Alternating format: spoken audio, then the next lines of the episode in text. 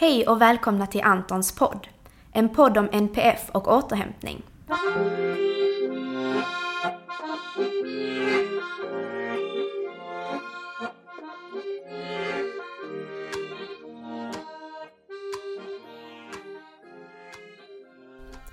Jag heter Marie och kommer att i dessa poddavsnitt utforska olika aspekter av hur det är att leva med eller tillsammans med någon med NPF, neuropsykiatrisk funktionsnedsättning.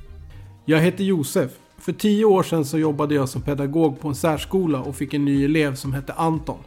Han lärde mig om autism och han lärde mig minst lika mycket om behovet av återhämtning. Jag lärde också känna Antons mamma, Lotta. Att leva med Anton är både fantastiskt och underbart. Men det är också utmanande.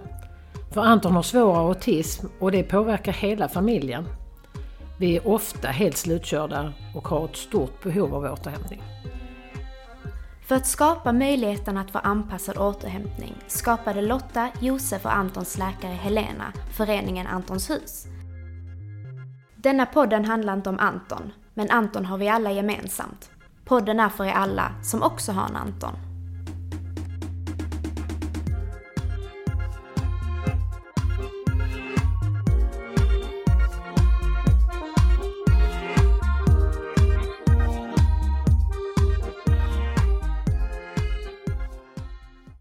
Hej och välkomna till avsnitt tre. Idag har jag med mig Lotta Hej hej! och Peg Hej. som var med i avsnitt två förra gången. Och sen har vi en ny gäst som heter Maggan. Vill du berätta lite om dig själv? Hej hej, jag heter Ma- Magga Nordahl och jag har jobbat som kurator på barn och ungdomshabiliteringen i Malmö cirka 20 år. Och jag har träffat många föräldrar som har barn och ungdomar som har en NPF-diagnos. Och eh, ett jätteroligt arbete, trivs jättebra.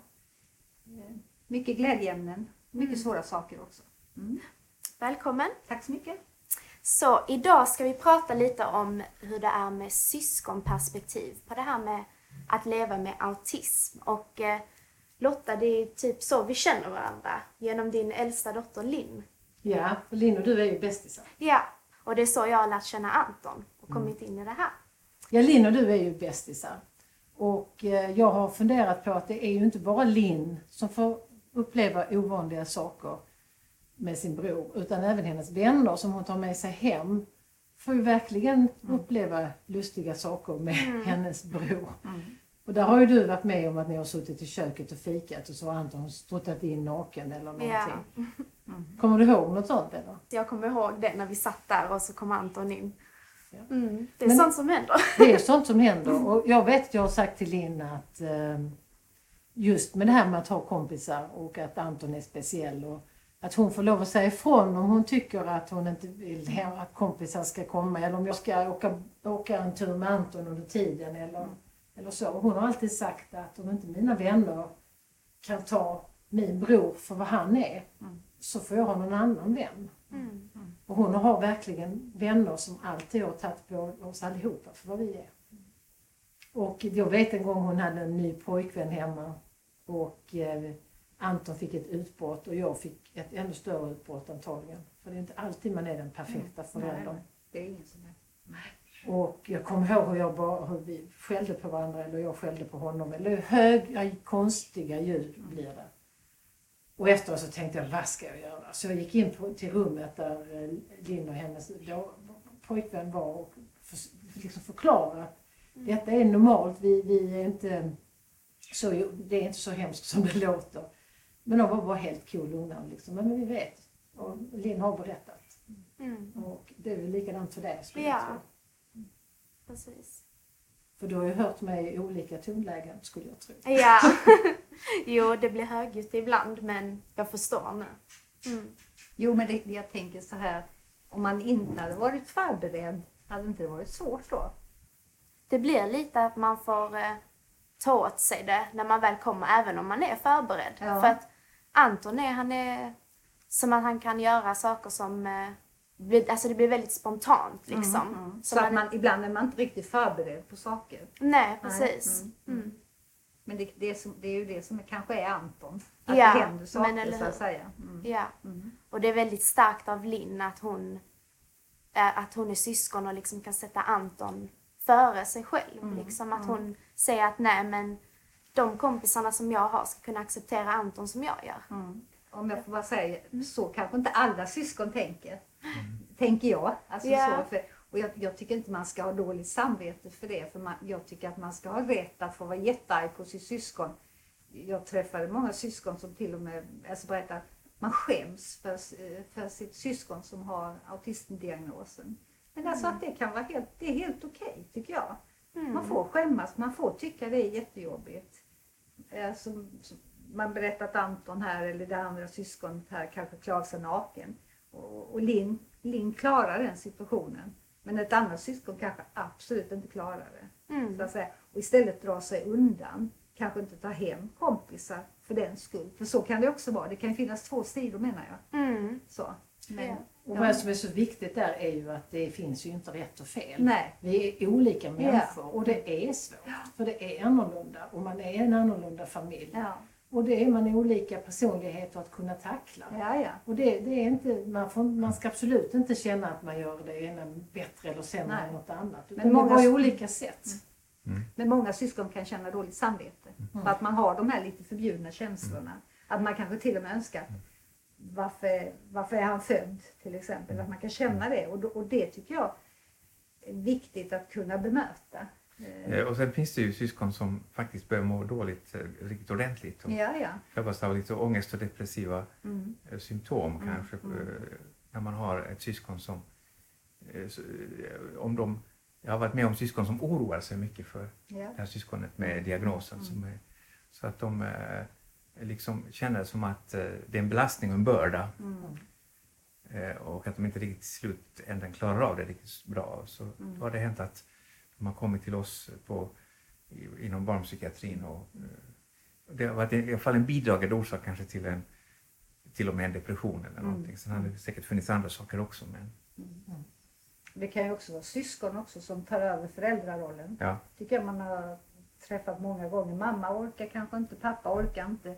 Vem ska orka? Ja. Eh, Ja. och, då kanske ett syskonet träder in och tar Ja. den vuxnes roll istället. Och jag tänkte också, På tänkte också på en eh, syster till en pojke med diagnos som eh, eh, kände väldigt press i skolan, för de gick i samma skola. Mm, Och hon kände liksom att hon var tvungen att ta hand om honom där Mm. i skolan. mm, mm. Och, och liksom varje morgon tänkte hon eh, orolig för hur skulle det gå idag?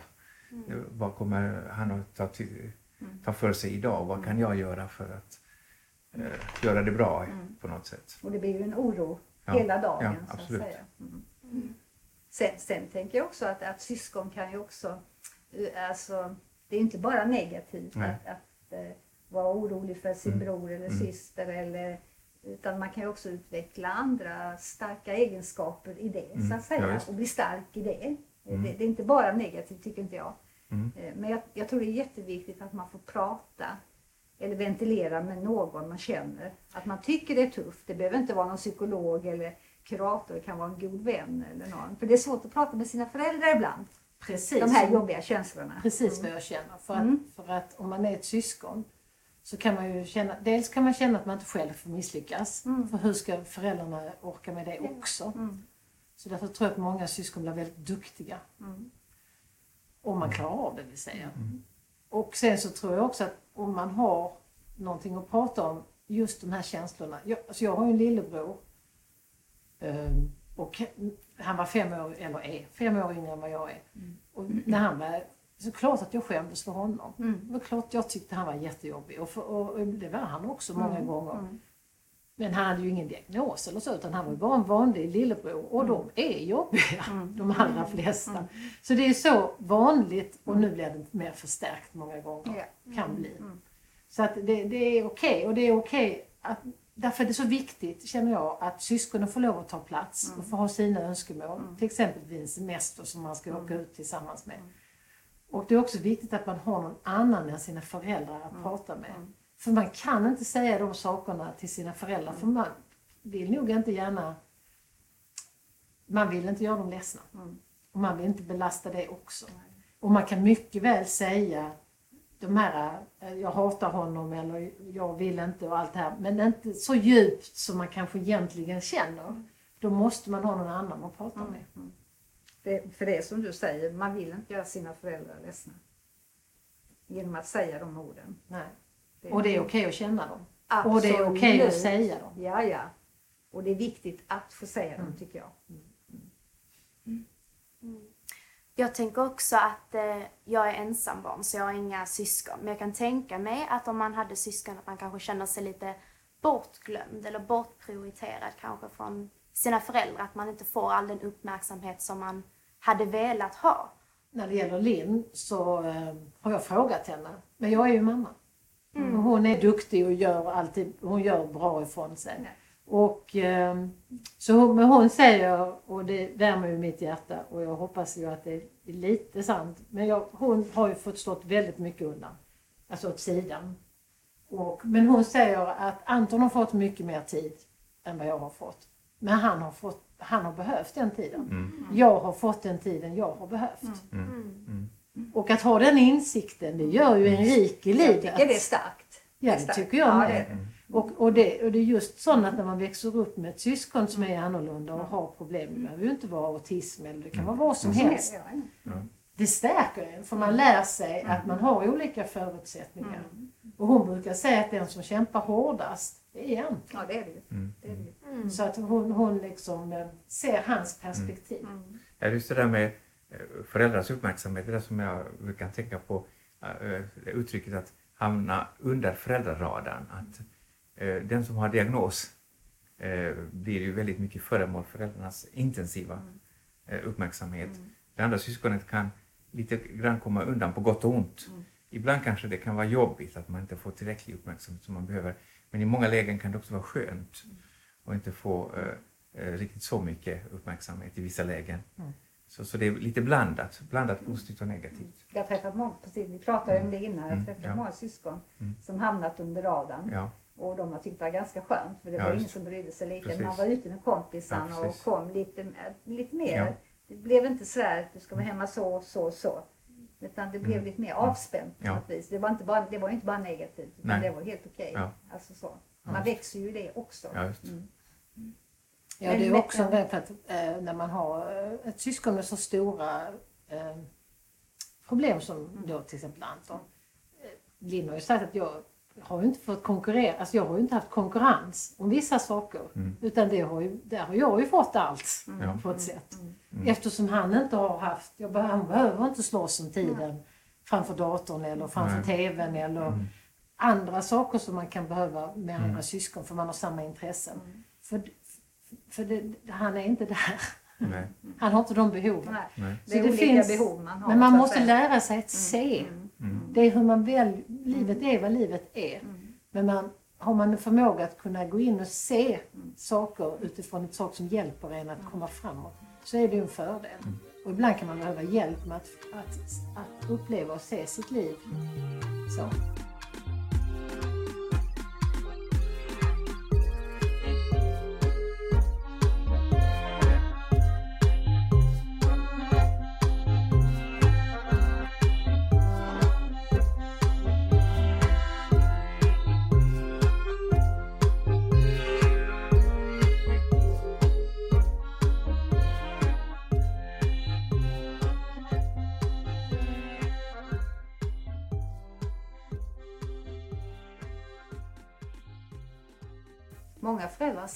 Mig så här, nu är det inte alla, men många har sagt när man åker på semester så behöver man inte åka alla. Om man har två barn i familjen, en som har en och en som har då diagnos. Man behöver inte åka alla fyra. Bara för att man vill vara en familj som åker. Eh, när man släpper den biten och, och kanske låter, man då kanske åker med barn som har diagnos ena gången, så åker man med det andra syskonet andra gången. Alltså det blir mer avslappnat på något vis. Och jag hade en familj där de åkte till Grekland två veckor. Mamma ville jättegärna att alla skulle åka och det gjorde man. Och den här killen som var 14, han ville inte följa med, men han övertalades. Och han var en gång i poolen och badade, resten satt han på hotellrummet och spelade eh, datorspel. Eh, så det blev ju inte sådär jättelyckat. Nästa, ja det blev ju lyckat. Han, han var nöjd att sitta på hotellet. Alltså så, Mamma och pappa var inte så nöjda för solen sken och, vattnet var vackert och samla snäckor och allt. Men det blev ju inte riktigt. Men när, nästa år de åkte då, då stannade den här pojken hemma.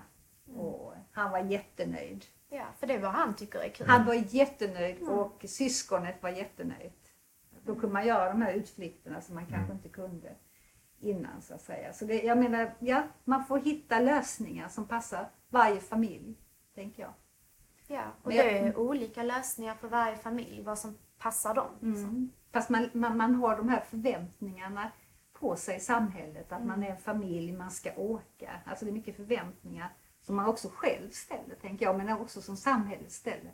Att hur det ska vara. Och är det inte riktigt så så kan det bli svårt. Och samtidigt är det ju så att man, eh, för jag fick det rådet av eh, Antons läkare Mm. när jag ringde och var helt desperat för vi hade haft en förfärlig hemresa från Mm. en semester. Och jag är ju inte ensam att uppleva de här grejerna. Mm. Och då, då, då sa de att man behöver inte åka på semester tillsammans. Nej. Och det, så är det ju naturligtvis. Mm. Och, eh, men det är så svårt Mm. att åka och så lämnar man en familjemedlem hemma Mm. och så vet man att den personen har det inte bra. För många gånger när man är på ett boende eller man är på en vistelse Ja. under somrarna Mm. så är det mycket sommarvikarier Mm. och det är alla, de behöver inte vara dåliga, det är inte så. Men Nej. rutinerna är, är förändrade. Och man kanske inte har kunskapen. Nej, Det är man många, känner ju inte många, den personen. Nej, och det är många vikarier som jobbar på sommaren. Mm. Så, ja, förlåt. Mm. Mm.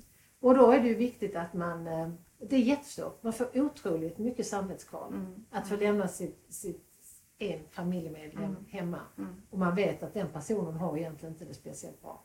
Men så får man också tänka sig att den personen har, hade kanske inte heller haft det speciellt bra med oss. Nej. Eftersom att man är i en annan miljö och har annat liksom, krav på sig och Mm. mycket intryck. Så att Mm. man mår kanske inte så bra av det heller Nej. i ärlighetens namn.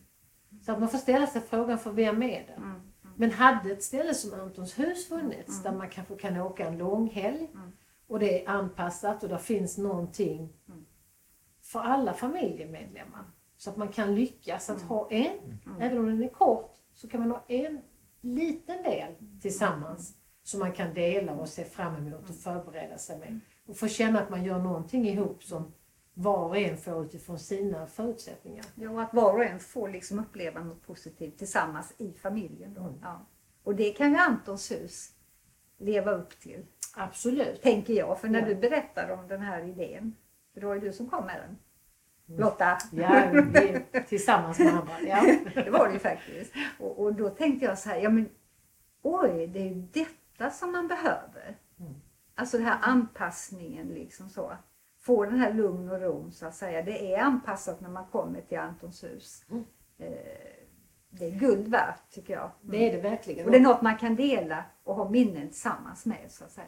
Mm. Precis, och sen kan man förbereda sig. Man kan åka dit för att lära sig om anpassning och autism utan sin familjemedlem Ja. med diagnos. Ja. Mm. Och då behöver man ta samvetskval för det, för man är där ju faktiskt för att vila sig, Ja. men också för att lära sig. Ja. Och man kan också åka som, som med, med diagnos och åka själv med assistenter. För det är inte alltid man vill ha med sig sin familj. Nej.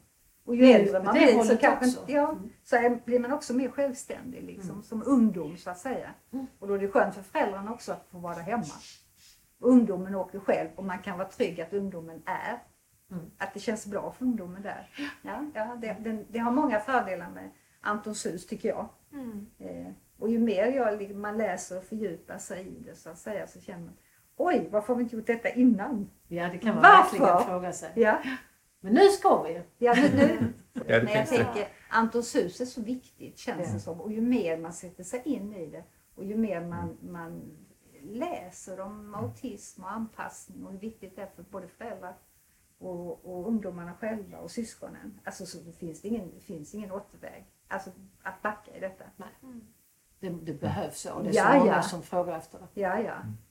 Och, och man, jag tycker man har träffat så många föräldrar som är så trötta, tröttkörda liksom på grund av att man hittar inte rätt eh, när, när man ska vara tillsammans på semester. Man hittar inte rätt.